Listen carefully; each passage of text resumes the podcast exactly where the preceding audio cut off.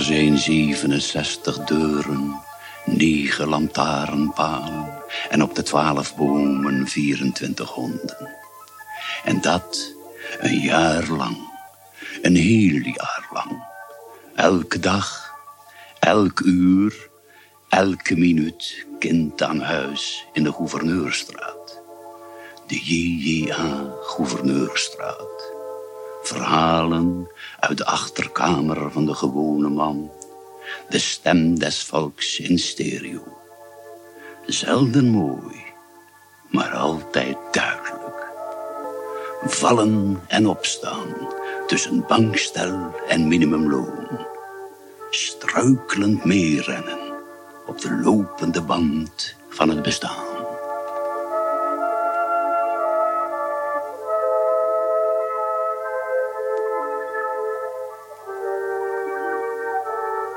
Wauw, oké. Ehm, ja, tegen zo'n ronkend intro kan ik natuurlijk niet op. Maar ik ga je toch vertellen wat je net gehoord hebt. Cor Gales, de legendarische VPRO-radiostem, introduceerde met deze tekst wekelijks het radioprogramma De Straat. Op wat nu 3FM heet en toen Hilversum 3. Want ik neem jullie mee terug naar 1976. Drie VPRO-reporters trokken zich toen een jaar lang terug in één straat, in een volksbuurt, om elke week verslag te doen van het leven daar. Een ongelofelijk project. Passagiers voor de gouverneurstraat. De passagiers voor de gouverneurstraat die zijn intussen uitgestapt. Uh, hier zijn Roel van Broekhoven en Kees Slager in de gouverneurstraat samen met uh, de buschauffeur. Hoe heet hij ook weer? Stuurman. De keus viel op de JJA Gouverneurstraat in Dordrecht. Maar we hebben ook Leiden nog als Ja, mogelijkheid ja, gehad. We zochten een straat in een plaats die heel gemiddeld was. Ja. Want Leiden vonden we volgens mij te chic ook nog. ja, dat kan wel. Dat, eh, en het moest een arbeidersbuurt zijn. Echt, Ja. Het was natuurlijk gezocht. emanciperend bedoeld. Hè? Oh, dat was Ja. het, dat woord zo. Emancipatoire. Ja, maar we, we zaten op de muziekzender. Ja. En, en tot, tot de gruwel van die muziekjongens mochten wij toen eh, een jaar lang eh, de gouverneurstraat doen. De Gouverneurstraat is een straat met lage oude huizen met erkers in de Crispijnse driehoek. Een echte volkswijk die tot woede van de bewoners nogal eens asociaal genoemd werd. De jonge verslaggevers Roel van Broekhoven, Katrien de Klein en Kees Slager mochten in een kantoortje in het badhuis, midden in de straat, een geïmproviseerde studio inrichten. En dan maar radio maken. Een jaar lang. Jij vindt deze straat niet asociaal. Nee, dat vind ik zeker niet. Nee, helemaal niet. Ik vind het een gezellige straat. En er zijn maar weinig straten die zo hier zijn. En als ze niks van de gouverneurstraat weten, dan moeten ze er ook niet over horen.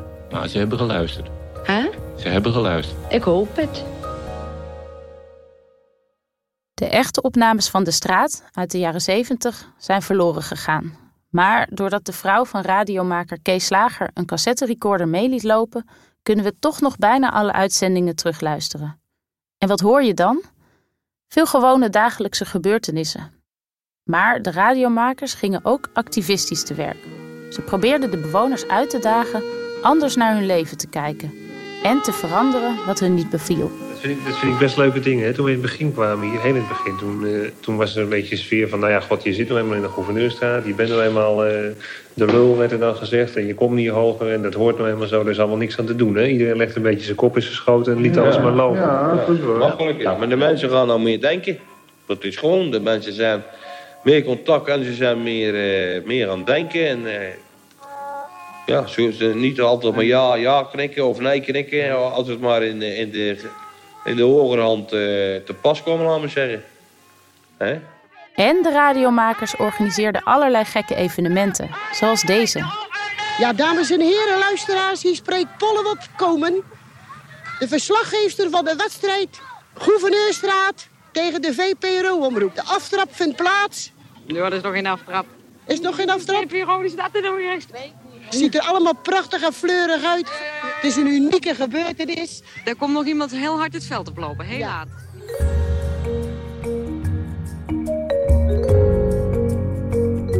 Een ware goudmijn, deze opnames. De straatbewoners vertellen in onvervalst Dords, openhartig en recht voor zijn raap wat ze bezighoudt. Al luisterend begin ik me van alles af te vragen.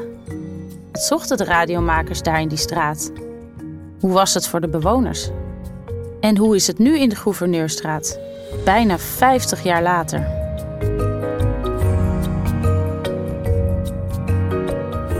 Ik ben Cecile Elvers, redacteur bij de VPRO-gids. En samen met mijn collega Inge Ter Schuren ben ik teruggegaan naar die gewone, maar toch zo bijzondere straat in Dordrecht. We doken ook in het archief van de VPRO-gids, waarin verschillende artikelen verschenen over de straat. En waarin Roel van Broekhoven er wekelijks een column aan wijde. En ik liep met de drie reporters van toen, Roel, Katrien en Kees, een middag lang rond in de straat zoals die er nu bij ligt. Hoe kijken zij terug? Hoe vinden jullie het om hier weer te lopen? Of hoe, hoe zie je het? Ik, ik ben blij dat je ons uh, zover gekregen hebt. Ik vond het wel leuk om uh, nog even... Maar eerst ging ik langs bij een bewoonster van toen, Toos. Die 18 jaar was ten tijde van het radioprogramma. En die later trouwde met haar buurjongen, Ad. Ik loop hier in Dordrecht, in Dubbeldam. Een nieuwbouwwijk uit de jaren 60, 70. En ik ben op weg naar Toos van der Wielen, geboren IJzermans. Ik zie er al staan. Ze staat in de deuropening. Hi Toos, leuk je te ontmoeten. Ik kwam Toos op het spoor toen ik samen met mijn collega Inge voor het eerst naar Dordrecht reisde. Om die Gouverneurstraat eens met eigen ogen te zien. We troffen een bijna helemaal vernieuwde straat aan. Met op de plek van het badhuis en buurthuis Het Hobbeltje nu een groot open speelplein. En daaromheen nette nieuwe huizen. Nou. Het leven in de Gouverneurstraat leek zich niet meer buiten af te spelen, zoals in de jaren zeventig. Of toch? Opeens zagen we aan het einde van de straat Let's Ruilwinkel, waar iedereen buiten zat om koffie te drinken. Bij Let's winkel je niet met geld, maar met punten, die je verdient door zelf spullen in te brengen. Er werken vrijwilligers. Sommigen zijn geboren en getogen in de buurt, anderen zijn vluchteling en nog maar een paar jaar in Nederland. Eens in de week staat de 63-jarige Toos in de winkel. In de straat waar zij opgroeide en de liefde vond. De JJA Gouverneurstraat. Nou, goedemiddag. Ik ben uh, Toos van der Wielen, IJzermans. En ik ben opgegroeid in de Gouverneurstraat vanaf mijn vijfde. En ja, we hadden allemaal wat en niks. Dus het was gewoon een hele leuke jeugd. En uh, heel veel buiten spelen. Heel veel. Toos woonde op Gouverneurstraat nummer 38. Met haar vader Nip en haar moeder Dickie. Ze was de oudste van vijf kinderen. De jongste, Marco, was een nakomertje. Hij had nog een luier om toen de VPRO-radiomakers in 1976 hun intrek namen in de straat. Maar Toos was al 18 en werkte bij de snoepwinkel Jamin. Oh ja, heel de straat was er vol van. Van uh, ja, de VPRO kwam, VPRO kwam. Ja, misschien hoorde ik het later. Ik werkte natuurlijk eigenlijk elke dag. Van half negen tot zes. Toen dan dacht ik, oh, nou, ik hoef er niet op hoor. maar Toos ouders zijn des te meer te horen in de radioserie. Zo gaat Roel van Broekhoven met Toos moeder Dickie en drie andere huisvrouwen uit de straat naar Parijs. Vijf dagen lang. Een onvergetelijk avontuur. Ja, die waren helemaal opgetogen en uh, heel de straat liep uit natuurlijk. Want wie gaat er nou naar Parijs? In 1976. Ja, niet dan. Ik zei net tegen haar, je had je eigen wel een voorstelling gemaakt van Parijs. Maar het is heel anders dan je verwacht had. Ja, ik vind het veel uh, interessanter. Ja. ja. Want gisteren dacht ik, ja, je komt binnen in het donker en dan ziet het er vast, het valt er tegen als je het dan Nee, helemaal niet. Nee. Nou, ik vond het echt fascinerend hoor. Ja, ja je kwam handen, ogen, voeten, alles kwam in tekort. Ja. ja. Ik dacht, het is zo donker, weet je wel. En je komt in zo'n industriestuk binnen, dan is het vast heel, heel gewoon. Nou, en, wat is me wel voorgesteld zoals bij ons. Gewoon de straten en huizen en zo. En dan wel af en toe zo'n gebouw. Maar hier, iedere huis is eigenlijk een bezienswaardigheid. De mannen van de vrouwen die naar Parijs gingen, vertelden in de radio-uitzending hoe het ze verging zonder vrouw thuis. Ik laat Toos een radiofragmentje horen van haar vader Nip. Nou. Uh, dinsdag 8 maart. Wat staat hij aan? Ja, Dinsdag 8 maart, half acht opgestaan. Toos had Marco al in het bad gedaan. Dus dat was, toen was ik al gauw mee klaar. Heb ik koffie gezet en gegeten met de kinderen. Kwart over acht Kobi en Peter naar school gestuurd. Half negen gaan stofzuigen. Afwassen, een lekkere bak koffie gezet en naar de televisie gekeken. Om half elf naar bed gegaan. Zo goed, Kees? Ja, hoe vind je het om je vader zo Ja, te horen? raar. Heel raar. Ja, ja, echt. Heel bijzonder. Ja, dan zie ik hem alweer helemaal eh, lopen en doen. En, eh, als er nou beeld bij was geweest, dan had ik te janken. Toos herinnert zich haar vader als een lieve en sociale man. Als je dot zijn nip, ja, iedereen kon hem. Heel dot kon hem. Toen hij overleden was, hadden we erbij gezegd... Nip IJzermans, tussen haakjes Piet. Maar niemand wist dat je Piet heette. Maar zijn bijnaam Nip kwam niet uit de lucht vallen. Als klein ventje deed hij altijd halve glazen en zo, overal waar het vandaan kwam. Ja, naderhand hele. Dus je hebt je vader wel dronken gezien. Jawel, jawel. Ja, je kon ermee lachen. Iedereen zegt, ja, ik kon mee lachen vroeger. En dan, eh, oh, is dat je vader? Nou, daar kon je mee lachen vroeger. En dan dacht ik, ja, als je nou wat minder dat gedaan had, hadden wij ook misschien... Nou, eh, ik heb één keer ook met mijn vriendinnen kwamen dan gewoon. Dan had hij, eh, bijvoorbeeld, was hij weer ziek. En dan neemt hij over de wc-pot. Ziek van de drank bedoel je? Ja, overgeven. En dan neemt hij over de wc-pot. En dan konden wij niet naar de wc en dan gingen we bij de buurvrouw. Maakte er gewoon geen probleem van. Ja, Ja, dan was dat echt gewend. Ja, en er waren er nog wel meer. Ja, in die tijd lusten de mannen ze wel hoor. Maar ja, volgens mij was dat overal. Maar het hoorde er gewoon bij. Nou ja, en dan de moeders achter de aanrecht. Tja, de moeders van de Gouverneurstraat stonden in 1976 nog vrijwel allemaal achter het aanrecht. En hun dochters zaten vrijwel allemaal op de huishoudschool. Maar ze droomden van meer. Kees Slager interviewde in de radio-uitzending de 14-jarige Bea en haar vriendin Ankie over hun toekomstplannen. Terwijl gewoon. eh, Droom je wel eens over trouwen al? nee. Alleen nee, maar- ik wil, ik wil gewoon eens een goede baan hebben. Dat ik eens kan werken. En dan pas trouwen. Wat is, wat, is volgens jou, wat is volgens jou een goede baan? Ik wou eh, op een boot gaan werken. Op een boot? Ja. Als wat? Als, eh, hoe heet dat nou? Ja. Of ik wou eh, als verpleegster in de binnenlanden, of ik wou grimeur, maar ik weet nog niet welke nog was. Grimeur. Dat is toneel. Verpleegster in de binnenlanden, waarvan? Van de Boys of zo? Of, eh? In de ontwikkelingslanden zijn. Binnenlanden zijn. Oh, ontwikkelingslanden bedoel je. Waarom? Nou, dat vind ik leuk. Wat zou dus ook wel leuk zijn? Interessant. Interessant. Ook Toos had als tiener een toekomstdroom. Ja, etaleuze wilde ik worden. Maar ja, er was toen geen geld voor natuurlijk. En de helft van de straat wist niet eens wat het was.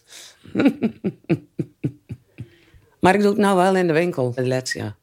Doe ik eh, allebei die etalages. En dan, eh, ja, die vinden het helemaal prachtig. Want iedereen zegt, jij hebt je beroep misgelopen. Over dat aanrecht gesproken. Niet voor niets heet een van de radio-uitzendingen Moetjes. Want in de jaren zeventig werd er in de Gouverneurstraat veel jong getrouwd. Met een baby in de buik. Katrien de Klein vroeg aan een paar tienermeiden hoe dat zat. Hey, vinden jullie dat jongens meer mogen dan meisjes? Ja. ja. Ze mogen later Ja. buiten. Ze krijgen meer zakgeld en zo. Ik bedoel, als een jongen met zijn zeventiende jaar naar bed gaat met een griet, is dat normaal. Hun hebben geen risico's te lopen, maar wij 15 kunnen nou ja, 15 jaar, maar normaal 17. Ik bedoel, en eh, hun kunnen niet in verwachting raken. Hun hebben niks, wij hebben alles. Maar ze kunnen toch wel voorkomen dat je in verwachting raakt? Ja, natuurlijk. Maar ik bedoel, hun hoeven, niet, hun, hun hoeven niet naar huis te komen van, maar ik ben in verwachting. Of Ja. van pa, ik heb mijn meisjes zwanger gemaakt. Ja.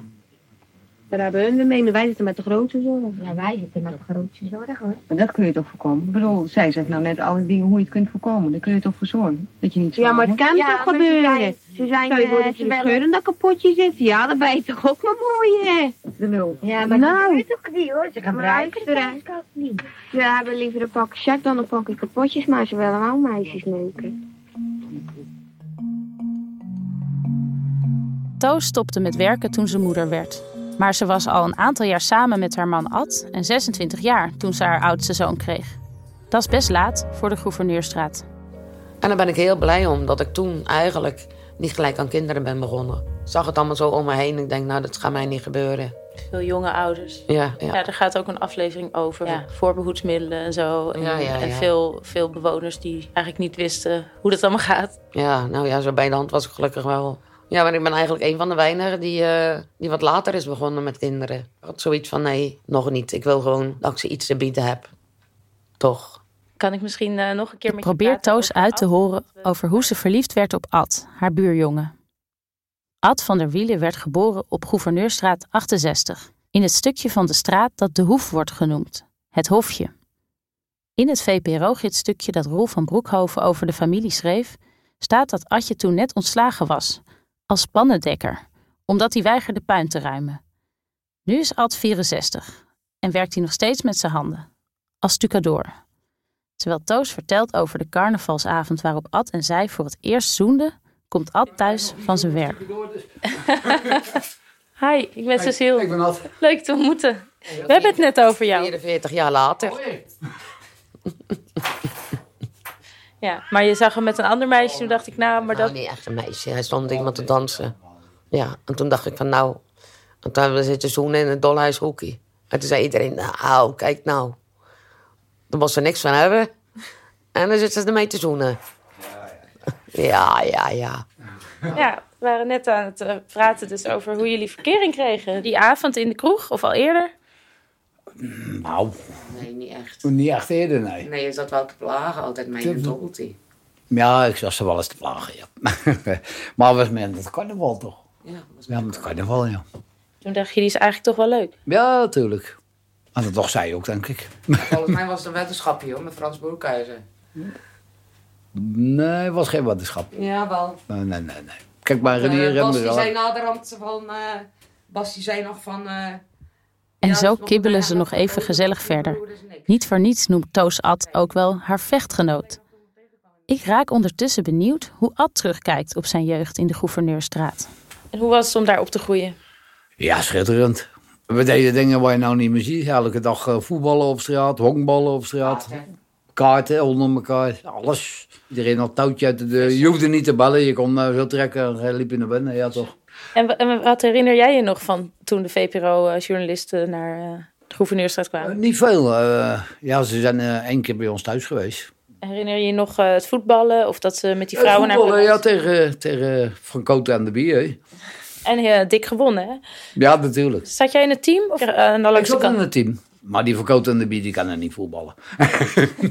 dat moet je gewoon echt opschrijven. Die kan er geen pepernoot van. Vooral die lange niet.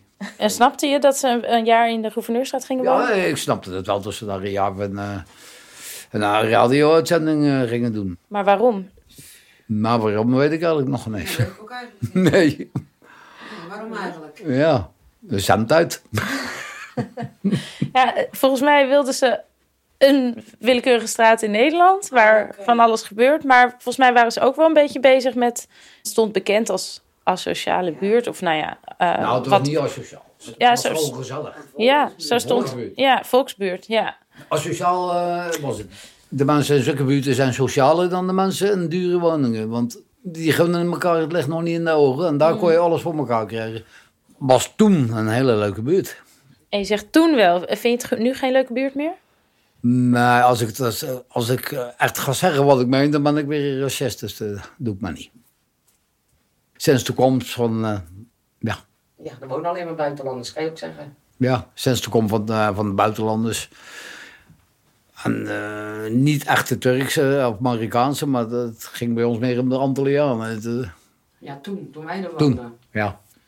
Toos en Ad doelen op de jaren 80, toen zij met hun gezin in een zijstraat van de Gouverneurstraat woonden. In die tijd nam de criminaliteit in de Crispijnse driehoek toe. Vanaf het jaar 2000 werd, om hier iets aan te doen, de buurt opgeknapt en verbeterd. Ze hadden op een gegeven moment de politie een lijstje gevonden van, eh, waren er al zes doodgeschoten geloof ik. En hadden ze een lijstje gevonden, stonden gewoon de kruisjes achter en dan stonden er nog een heleboel. Een dodenlijst was Ja, gevonden. een soort dodenlijst, ja. Maar toen zijn we, zijn we verhuisd naar Dubbeldam en uh, zodoende zijn we hier gekomen. Later zal ik in de Gouverneurstraat vaker oud-bewoners tegenkomen die dat tegen me zeggen. De buurt is niet meer wat die was, waarna het woord buitenlanders valt. Zoals in zoveel oude volkswijken kwamen er in de Gouverneurstraat vanaf de jaren 70 de eerste gastarbeidersgezinnen wonen. Terwijl veel witte bewoners juist wegtrokken naar comfortabelere, nieuwere woningen. Twee ontwikkelingen die elkaar versterkten. Ook in de jaren 70 ging het hier al over. De verslaggevers stellen kritische vragen. Waarom worden de Turkse kinderen uitgescholden door de Nederlandse kinderen? Maar ook de gemeente wordt bevraagd. Lekker makkelijk om juist de gammelste huurwoningen toe te wijzen aan Turkse gastarbeiders, die niet zullen klagen. En waarom is er eigenlijk geen cursus Nederlands voor ze? Tegelijkertijd blijkt uit de uitzendingen hoezeer de verwachting bij Nederlanders nog was dat de Turkse gezinnen weer teruggingen naar Turkije. Hier hoor je Katrien de Klein, die een achtjarig Turks jongetje uit de straat interviewt. Dan hier komen en dan hier altijd werken. Meer geld verdienen. Is hij nou een spaar zodat jullie over een paar jaar weer terug kunnen? Dat hij wat spaargeld heeft? Of niet? Om terug naar Turkije te gaan? Ja. Ja, ik kan vakantie, maar geen altijd blijven, maar vakantie kan. Maar hij blijft hier altijd wonen? Ja, altijd. Maar oud, dan naar Turkije gaan natuurlijk. Hier niet oud en dan hier niet goed. En jij bekijkt hoe het op school gaat, of dat je later weer naar Turkije gaat, of dat je hier blijft? Ja, als ik, als ik goed leren kan, moet ik hier. Moet ik hier dokter en eh, dan moet ik hier de talen leren. Als ik niet goed gaat, moet ik naar Turkije gaan. Als ik de dingen niet overga, moet ik naar Turkije. Maar voorlopig wil je nog wel graag hier blijven bij je vader en moeder? Ja, leuk, ja. En hobbeltje, clubjes, dobbeltje en altijd. Feestvieren. Vind je het wel gezellig hier in de straat? Ja? Ook speelplaats gemaakt. Hier ook leuk. Mijn zusje hier. Ook met Toos heb ik het hierover gehad. Ja, in de documentaire komt ook voor dat, eh, dat er veel Turkse families komen wonen in de Gouverneurstraat. Oh ja, hou op. We hebben een keer gelachen. Wij wisten natuurlijk niet wat een Turk was. Daar had helemaal geen beleving bij. En toen hadden ze gezegd, ja jongens, er komen Turken bij ons wonen. En we hebben allemaal als een hup op een stoprandje gezeten. Kijken hoe die mensen eruit zien. Nou, dat wij toen niet goed. Toen zaten wij, dachten wij van, nou, zitten we daar nu de hele dag op te wachten. Schelen niks met ons. Jullie gingen kijken hoe de Turken kwamen en ze waren eigenlijk heel gewoon. Ja, tuurlijk. Ik heb toch helemaal zien dat je helemaal wereldvreemd was in die tijd. Maar eh, het, het mengde eerst nog niet zo, blijkt uit die radiodocumentaire. maar, maar, maar je schoonzus, of, eh, je zus is natuurlijk wel met een Marokkaan getrouwd uiteindelijk. dus Ja, ja. Ja, wij waren niet zo van, eh, dat mag niet of dat mag wel of niet. Oh, Nee, oh, iedereen is één. Of jij nou geel, groen, zwart of blauw bent. Nee, dat maakt mij niet uit. De hele middag heb ik gepraat met Toos en Ad. Met een echt dortsgebakje erbij. Een paar dagen later is het zover. Ik heb aan het begin van de Gouverneurstraat afgesproken met de drie radiomakers van toen. Kees Slager, Katrien de Klein en Roel van Broekhoven. Kees heeft beloofd zijn plakboek mee te nemen. En Toos stuurt me een berichtje op Facebook. Gaat het door? Ik heb misschien een leuke verrassing voor jullie. Hallo. Goeiedag. Kees Slager. Kees Slager is er als eerste. Hij staat me op te wachten. Kees is nu 84, maar dat zou je niet zeggen. Hij heeft nog precies dezelfde lok over zijn voorhoofd hangen als in 1976. Alleen is die nu grijs in plaats van zwart. Dat Kees een oude idealist is, zoals Roel later vandaag nog vaak plagend zal zeggen, kun je ook zo wel zien. Op zijn jasje prijkt een tomaatvormig speldje van de SP en het gebroken geweertje van de Vredesbeweging. Even later verschijnen ook zijn oude strijdmakkers, die nu begin 70 zijn. Katrien de Klein is, sorry, klein en loopt met een kruk. Maar ze is verder een en al activiteit en nieuwsgierigheid. Roel van Broekhoven komt op Allstars aanslenteren. Hij is net terug uit Kabul, waar hij een nieuwe tv-serie opneemt. Net als Kees en Katrien denkt hij nog niet aan pensioen. Zodra Roel zijn mond open doet, hoor ik dat hij nog op precies dezelfde laconieke manier praat als 46 jaar geleden. Het ziet er nou, in het begin nog wel een beetje hetzelfde uit, hè? Kwam, in het begin ziet er nog een beetje Ja, hetzelfde het begin is hetzelfde. Daar waar Adrie en Jan Smits woonden en zo, waar Van den Berg woonde, dat stukje is nog authentiek. En, en het, eh, hoe heet dat, eh, het hofje. Is dat ook nog hetzelfde? Maar best Ja, dat is volgens mij nog hetzelfde. Daar Ja, is ja. weinig aan veranderd. Maar jullie zijn toch komen lopen, of ja, niet? ja, ja, ja, maar ik kon niet meer De drie journalisten beginnen meteen op te noemen wat er allemaal is veranderd. Of juist hetzelfde is gebleven in de straat. Maar wat ik me afvraag, hoe kwamen ze hier überhaupt terecht? Ja, ik vertelde, eh, het- maar dat klopt dat nou, dat wij eh, een plek hebben gezocht tussen Zeeland en, en Amsterdam en Utrecht. Jij Ja. woont in Utrecht en jij in Amsterdam. En je zat in Sliedrecht natuurlijk een huisje. Ja, ja, ja, het is waar. En dat we het uiteindelijk op Dordrecht... Maar we hebben ook Leiden nog als Ja, mogelijkheid Ja, gehad. we zochten een straat in een plaats die heel gemiddeld was. Ja. Echt een, een, een ANP-straat. Het moest echt... Want Leiden vonden we volgens mij te chic ook nog. ja, dat kan wel, ja. Dat, eh, en het door- moest een arbeidersbuurt zijn. Ja, En het moest echt ook met inwonertal, met arbeiders. Met, daar hebben we echt op cijfers ook gekeken. oh, dat weet ik niet meer. Ja, ja, ja, ja. Dat weet ik. Maar we het- hebben echt Het echt was natuurlijk gezocht. emanciperend bedoeld. Hè? Oh, dat was Ja. het, dat woord zo. Emancipatoire. Ja, maar we, zaten op de muziekzender. Ja. En, en tot, tot een gruwel van die muziekjongens mochten wij toen eh, een jaar lang eh gouverneursstraat doen. Maar mocht dat ook van de Gouverneurstraat? Om de bewoners voor zich te winnen, schreven de radiomakers een brief. Meneer, mevrouw, de VPRO Radio is van plan om vanaf 1 oktober te beginnen met een nieuw radioprogramma. Elke week een uur lang op vrijdagavond op Hilversum 3. Dat programma zal gaan over de belevenissen van de bewoners van een straat ergens in Nederland. We zouden dat het liefst doen met de bewoners van de JJA Gouverneurstraat in Dordrecht. Uw straat dus. Hoe dat allemaal precies zal gaan, weten we nog- ook nog niet. Het is voor ons net zo nieuw als voor u. Als alles goed gaat, wordt het een soort Coronation Street, maar dan met echte mensen in plaats van toneelspelers.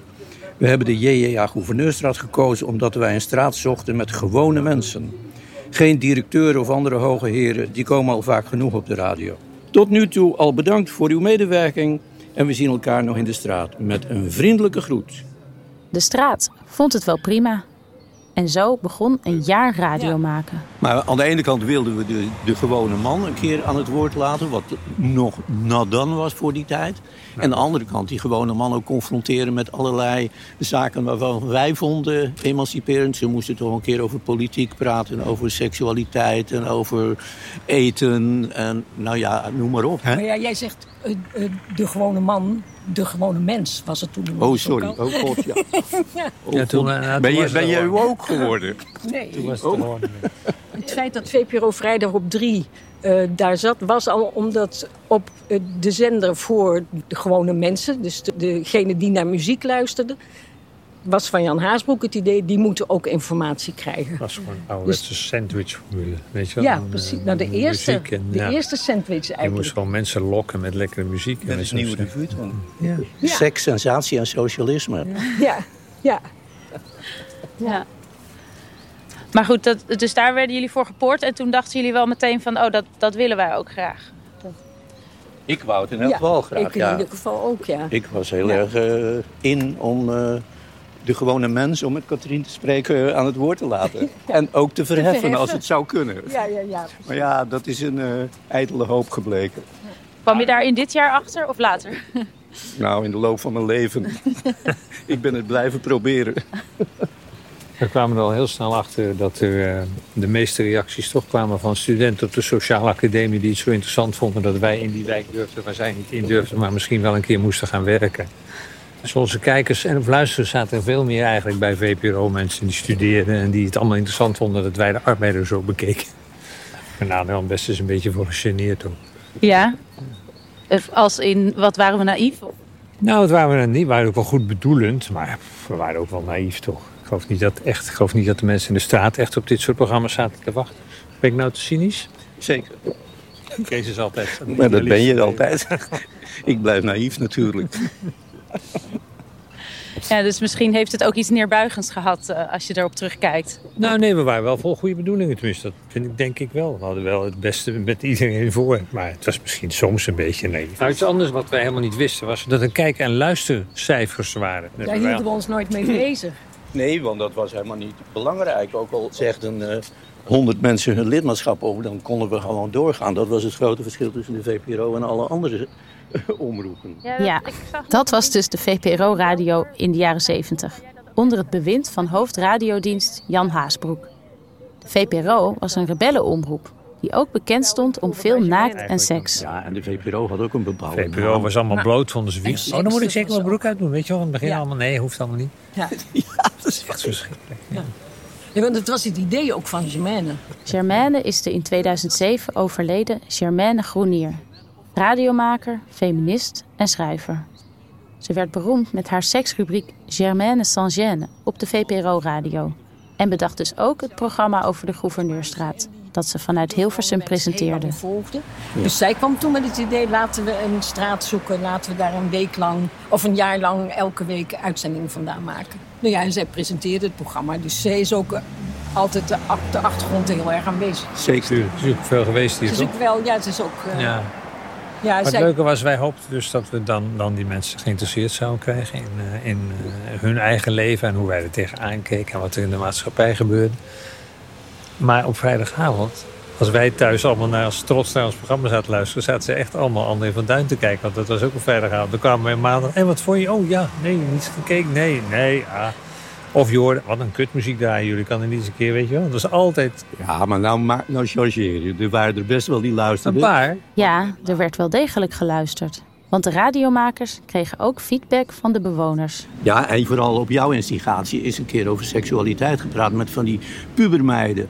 Dat is ook niet helemaal goed gevallen, hè? Die de VPRO weer over seks praten. Ja. ja. Dus het was nog wel moeilijk om de relatie goed te houden in de straat. Ja, maar toch is dat wel gebleven, hè? Ja, we zijn ook nog een keer hebben we ons opgesloten in het badhuis. Omdat er buiten daar een bluff met zijn dronken zoon en ons in elkaar wilde slaan. Weet je dat nog?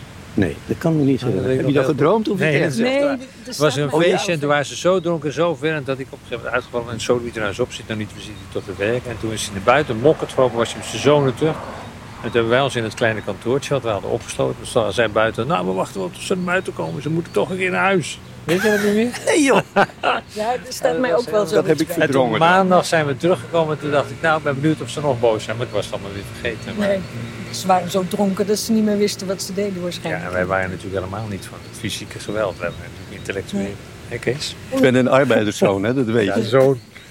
Maar je hebt er aardig uitgewerkt. Zullen we even zo lopen? Ja, je hebt te veel last van die auto's, Ja, en ook. Hoe, hoe Lopen heette we even die, tussen jullie die, in. die zoon van Jan van den Berg, hoe heette die ook alweer? Die, Terwijl we eh, lopen en rondkijken in de rustige Gouverneurstraat, blijken de drie journalisten nog de ene na de andere naam op te kunnen diepen uit hun geheugen. Het lijkt bijna een familiereunie. Ja. Ton, die, die heeft die hartoperatie Oh, gehad. ja. En dan Ja. ontdekte jij dat hij per dag tien eieren had of zoiets. Ja, ja. En dat het daardoor kwam. Dat, Maar toen, eh, toen heeft Jan, die heeft een keer voor ons een programma over drugs gemaakt. Want dat wilde hij heel graag. En daar werd de straat toch ook niet heel erg blij van. Nee, want Dat, we eh, hebben ze uitgenodigd om een joint te komen roken in het, bad, in het badhuis. badhuis, ja. was weer gelegenheid gegeven. Ja, Ja. Dat kon allemaal bij de VPRO toen. ja natuurlijk. Ja. Ik had dan nog wel. Nou, ik denk, dat je, ik denk wel dat je het gaat overleggen. Ga je het niet zomaar doen? Of gingen jullie het ook over? Nee. Nee, Ja. niet. Overleggen wie? Met, met de VPRO bedoel Ja, je? met Jan Haasbroek dan. Die wou meedoen. Ja, nee. We lopen nog even door te praten over die jaren zeventig. Dat werkelijk nog alles mogelijk leek. Bij de VPRO, op de radio, in de samenleving. Waar niet? Dan komen we plotseling Toos tegen. Met haar verrassing. Drie zussen die ook opgroeiden in de straat. Hallo. Wij hebben hier... eh, Hallo, hoi, ik ben Katrien Nel. ben ik. Hoi. Hallo, Hi Kies, ik ben Nel. Je lijkt wel op je moeder, zeg. Je lijkt heel erg op je moeder. Ja, precies hetzelfde. Altijd, ja. Ja. En je woonde hier, hè? Ja, nou Ja. hier zo. Ja, Ja. vlak En naast wij het woonden hier. Ja. En herinneren jullie het ook dat de radiomakers hier rondliepen? Ja, ja, ja. Dat was toen heel spectaculair. Dat de VPRO bij ons kwam en... Ja, ja hey, daar waren wij helemaal in rep en roer. En, en gingen jullie ook luisteren dan samen? Ja? Ja, Ja, ja, zeker. Met z'n Ja. allen, heel de familie zat erbij. Ja, wij hebben ervan gesmuld, echt waar, omdat er zoveel herkenningspunten zijn. En ook dat volkse kwam heel Ja. erg naar boven. Nel en haar zussen koesteren mooie herinneringen aan hun jeugd in de Gouverneurstraat. Heel veel warmte hing er bij iedereen en een hele grote sociale controle. Want OW, als je iets deed wat niet mocht, dan zei de buurvrouw... eh, luister eens, eh, hij niet zo weten mijn moeder. Houd daar in de gaten. En, maar zo was het ook andersom. Dus de sociale controle was geweldig. Ja, en Want dat is natuurlijk nu wel wel anders. Ik bedoel, iedereen Ja. doet maar zijn dingetje. Maar ja, vroeger deed en eh, op vrijdag iedereen stoepieboenen. Dat was ook. En dan zat alles voor de deur bij elkaar en te praten en te doen. Ja, het was gewoon... eh, en er was wel eens armoe en dan zei die van, joh, kom maar lekker bij mij. En, eh, Ja. Bij ons beneden hadden het beter als wij. En die aten zondags altijd uh, suddevlees. En dan kregen wij maandags de jus. Want dan had zij Ja. weer wat anders. En je ook een lekker jus. Ja. Wij hadden ook zes kinderen. We hadden Maar dat veel. deden we wel, hè. Dat Ja. was gewoon Dankjewel, normaal. zei je. Nou, je Ja. lekker soepje. Superleuk, man. Ja. En nu Ja. zitten we echt in een luxe maatschappij. Hoor. De Ja. kinderen trekken overal de neus voor op. Ja. Het is echt Ja. het is zo'n verschil. Ja. Eh, ik zeg wel eens, eh, als je niet weet wat je wil, dat is te wilde.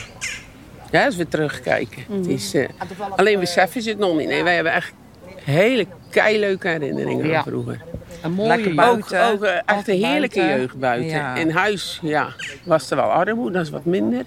Maar buiten hebben wij het heer. Wij zijn, waren echt straatkinderen. Ja, altijd buiten, ja. Maar alle kinderen, hè? Ja. Alle Heel kinderen waren... Ja. We lopen verder de straat in. En dan blijkt dat Toos nog een verrassing voor ons heeft geregeld. Oud-bewoner Dirk Komans komt aanwandelen. En Katrien kan er niet over uit hoe weinig hij veranderd is. Een paar eh, oude bekenden. Zoiets van, eh, die ken ik, die ken ik, maar wie ben je? Ja, ja, ja, maar ja, hoe lang is het geleden, hè? 48 jaar geleden. Hoe oud was je toen, eh, toen zij Ik was langskwamen? 19. Je was 19. En woonde je nog thuis? Ik woonde, mm, ik woonde toen nog thuis. Ja, niet lang meer, maar ik woonde nog thuis. Want je had al wel een vriendin. Ja, die had ik al, eh ze was 12 en ik 14. En hij zei net hoe het heet. En toen hadden we zoiets van, oh ja, Dick en Monique, dat is waar. Dat, dat jullie waren echt het koppeltje. En Ja. Een van de weinige koppeltjes, denk ik, in die ja, tijd. in die tijd wel. Ja, ja. ja, ja, ja. Dirks armen zijn vol getatoeëerd met de namen van zijn geliefde. Hij laat ze aan ons zien. Dat is Monique. Monique, Ja. een geboortedatum. Ja. En dit? Adrie. Adrie. Zijn Dat is mijn broer, die is overleden. Dit is mijn moeder. En dan moet mijn vader er hier nog bij, want die is pas overleden. Ach. Ah, ja, dat wel. Maar wat herinnert u zich nog van dat jaar? Nou, ik, ik herinner me sowieso nog dat er een weddenschap was van een week of 14 dagen de auto laten staan. Oh ja, verdomd. En in de Gouverneurstraat ging ook deze week het leven verder. Dick Komans die toert weer rond in zijn auto... die hij één week langs de stoeprand had laten staan... om samen met Kees te bewijzen dat je ook best kunt leven zonder auto. Nou, dat klopt dus. Al is Dick wel drie keer dwars door nat geregend. Afgelopen maandag kregen ze hun autosleuteltjes van Katrien weer terug. En hier sleutels. Eentje met een bruinsleutel hangen. met een D, die is vast van Dirk. Met mijn eh, vriendelijke dank. Dankjewel. Goed, eh, jongens, we gaan eh, snel door. Want Katrien, die eh, zo tegen auto's is en die geen auto heeft, die moet de laatste trein nog halen. en die heeft dus mijn auto nodig. Althans, ik moet hem naar het station brengen. Toos leidt ons naar het terras van Let's Ruilwinkel. En daar praat ik na met de drie journalisten. Die 46 jaar geleden probeerden de samenleving te verbeteren. Te beginnen in de Gouverneurstraat. Ja. ja, dat vond ik dus wel confronterend vaak. Dat wij toch met een soort ja, ideale maatschappij. Dat je denkt, weet je, alle mensen zijn zo lief voor zijn ook heel aardig en zo voor elkaar. Maar daaronder lag altijd zo'n wrokkige sfeer. Of ja, nou ja ook, ook mensen die zich, dat hebben we ook gezien, mensen die zich echt dood hebben gewerkt voor, voor, weet je, voor een hongerloontje. Dat zou, zoals die oude Tom van den Berg met die hart, die had in de haven gewerkt. Een echte scheidscentje. Ja, Nip ook hoor. En Nip die heeft daar in die havens gewerkt. En, in, die maakte ook schepen schoon. Dat was verschrikkelijk werk. Ja. Dat die mensen vroeg eh, versleten waren en ook arbeidsongeschikt werden, dat, dat kun je je wel iets bij voorstellen. En dat ze ontevreden waren. Het wordt, nou, kijk, wij hadden leuk werk. We konden doen en laten wat we wilden, waar we zin in hadden. In die zin was het makkelijk lullen. worden. Daar hebben wij makkelijk praten. Hè? Ja, jullie waren- zaten Nee, in de elite natuurlijk. Ja. Het is ook zo. Ja. Het was ook heel erg zo. En wij hadden lol in ons werk, ja, maar we hadden leuk werk. Je lag niet s'avonds kapot op je bed. Ja, er is een uitzending die heet ehm, Een half jaar in de straat of zo, of de straat blikt terug. En dan hebben jullie het over onrechtvaardigheid van eh, eh, arbeiders die weinig verdienen, veel uren maken, in slechte huizen wonen. En terwijl de bazen in eh knots van een villa wonen. En dan zeg jij ook, Katrien, jij zegt echt van ja, ik zou gewoon zeggen, ik pik het niet. En dit is een schande. En daar hoor je dat heel erg duidelijk. Een soort jong idealisme versus eh, de arbeiders die zeggen... ja, maar het is nou eenmaal zo en het blijft ook zo. En als ik de baas was, zou ik het ook doen. Herinneren jullie dat? Ja, ik herken het in ieder geval wel, dat gevoel. Ik herinner me dat programma niet, maar eh, eh, dat, dat herken ik wel, ja. ja. En dat is misschien ook wat ik geleerd heb. Je kunt wel hopen dat iets anders is dan het is, maar dat is dus niet zo. Gemeener geweest zijn als wij. Bijvoorbeeld. Maar dan snap ik niet dat je niet roept dat het schande is. Nee, dat vind ik geen schande. Ja, dat snap ik. Nee, want ik ga er gewoon vanuit, als ik de kans heb, denk ik het ook. Ja, maar weet je dat... heb je niet dankzij. Nou, daarom. Maar daar hou je je wel zoet mee, hè? Want ze roepen gewoon... Ah ja, natuurlijk, wij wonen in een groot huis. Maar als jij de kans krijgt... Hè? Theo Hoogmoed, dan krijg je toch ook zo'n groot huis. Dus maak je nou niet druk. Ja, Laat ons naar wij niet. Want nu wordt het nooit Nee, beter er van voor die jou. niet. Dat, dat wordt toch nooit beter voor ons. Ik denk zelf, maar ik weet best dat het ontzettend moeilijk is... dat je mensen bij elkaar moet zoeken die in dezelfde positie zitten... dat je met z'n allen probeert om daar iets aan te veranderen. En dat je zeker niet wat jij doet, sorry hoor... maar zeker niet roept van ja, zo is het toch. Kijk, zo is het wel, maar zo is het niet goed. Zo is het wel, maar zo is het niet goed, riep Katrien bijna een halve eeuw geleden verontwaardigd uit, vast besloten om de wereld te veranderen. En? Is dat een beetje gelukt? Roel heeft zo zijn twijfels. Maar weet je nog dat wij, want Katrien en ik hebben allebei op de school voor journalistiek gezeten, weliswaar was zij ook tien jaar eerder dan ik. Zeg. Maar, Ja, de eerste vrouw, toch? Of een van de eerste? Een- Eerst, ja, de eerste vrouw was jij op de school journalistiek. maar ik weet nog dat we toen kwamen, dan kwam je in de, in de, de koffiekamer, zoals het heette. En dan sprong de toenmalige directeur op tafel en die zei... Jullie worden allemaal journalist, journalist en journalisten kunnen deze wereld veranderen. En dat vond ik zo indrukwekkend. Ja, dat wil ik ook. Nou, dat heb ik iets te lang geloofd dat dat kon. Maar ik geloof niet meer dat je met programma's de wereld kan veranderen. Kan wel een beetje helpen. Maar je kan hoogstens mensen inzicht geven. En dan moet je allerlei trucs voor bedenken tegenwoordig om ze nog zover te krijgen. Want als er geen zang en dans en René Vroger bij zit, dan lukt het niet meer.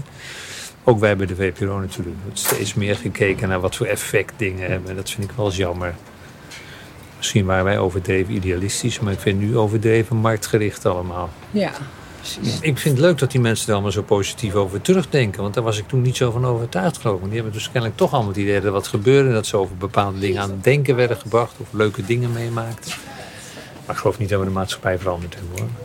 Een beetje. Nee, ik denk dat we bij een paar mensen wel. Waren een paar mensen natuurlijk heel ontvankelijk voor wat we Ja, maar het gaat erom dat je net die mensen die ontvankelijk zijn, die de kans geeft. Je moet niet denken dat je 100% haalt. Als je 5% haalt, is goed. Hè? Revoluties worden door 5% van de bevolking gemaakt. Ja, maar wat er Toos komt ondertussen Let's Ruilwinkel uit en maakt zich klaar om op haar scooter terug te rijden naar Dubbeldam. En waar je bluff.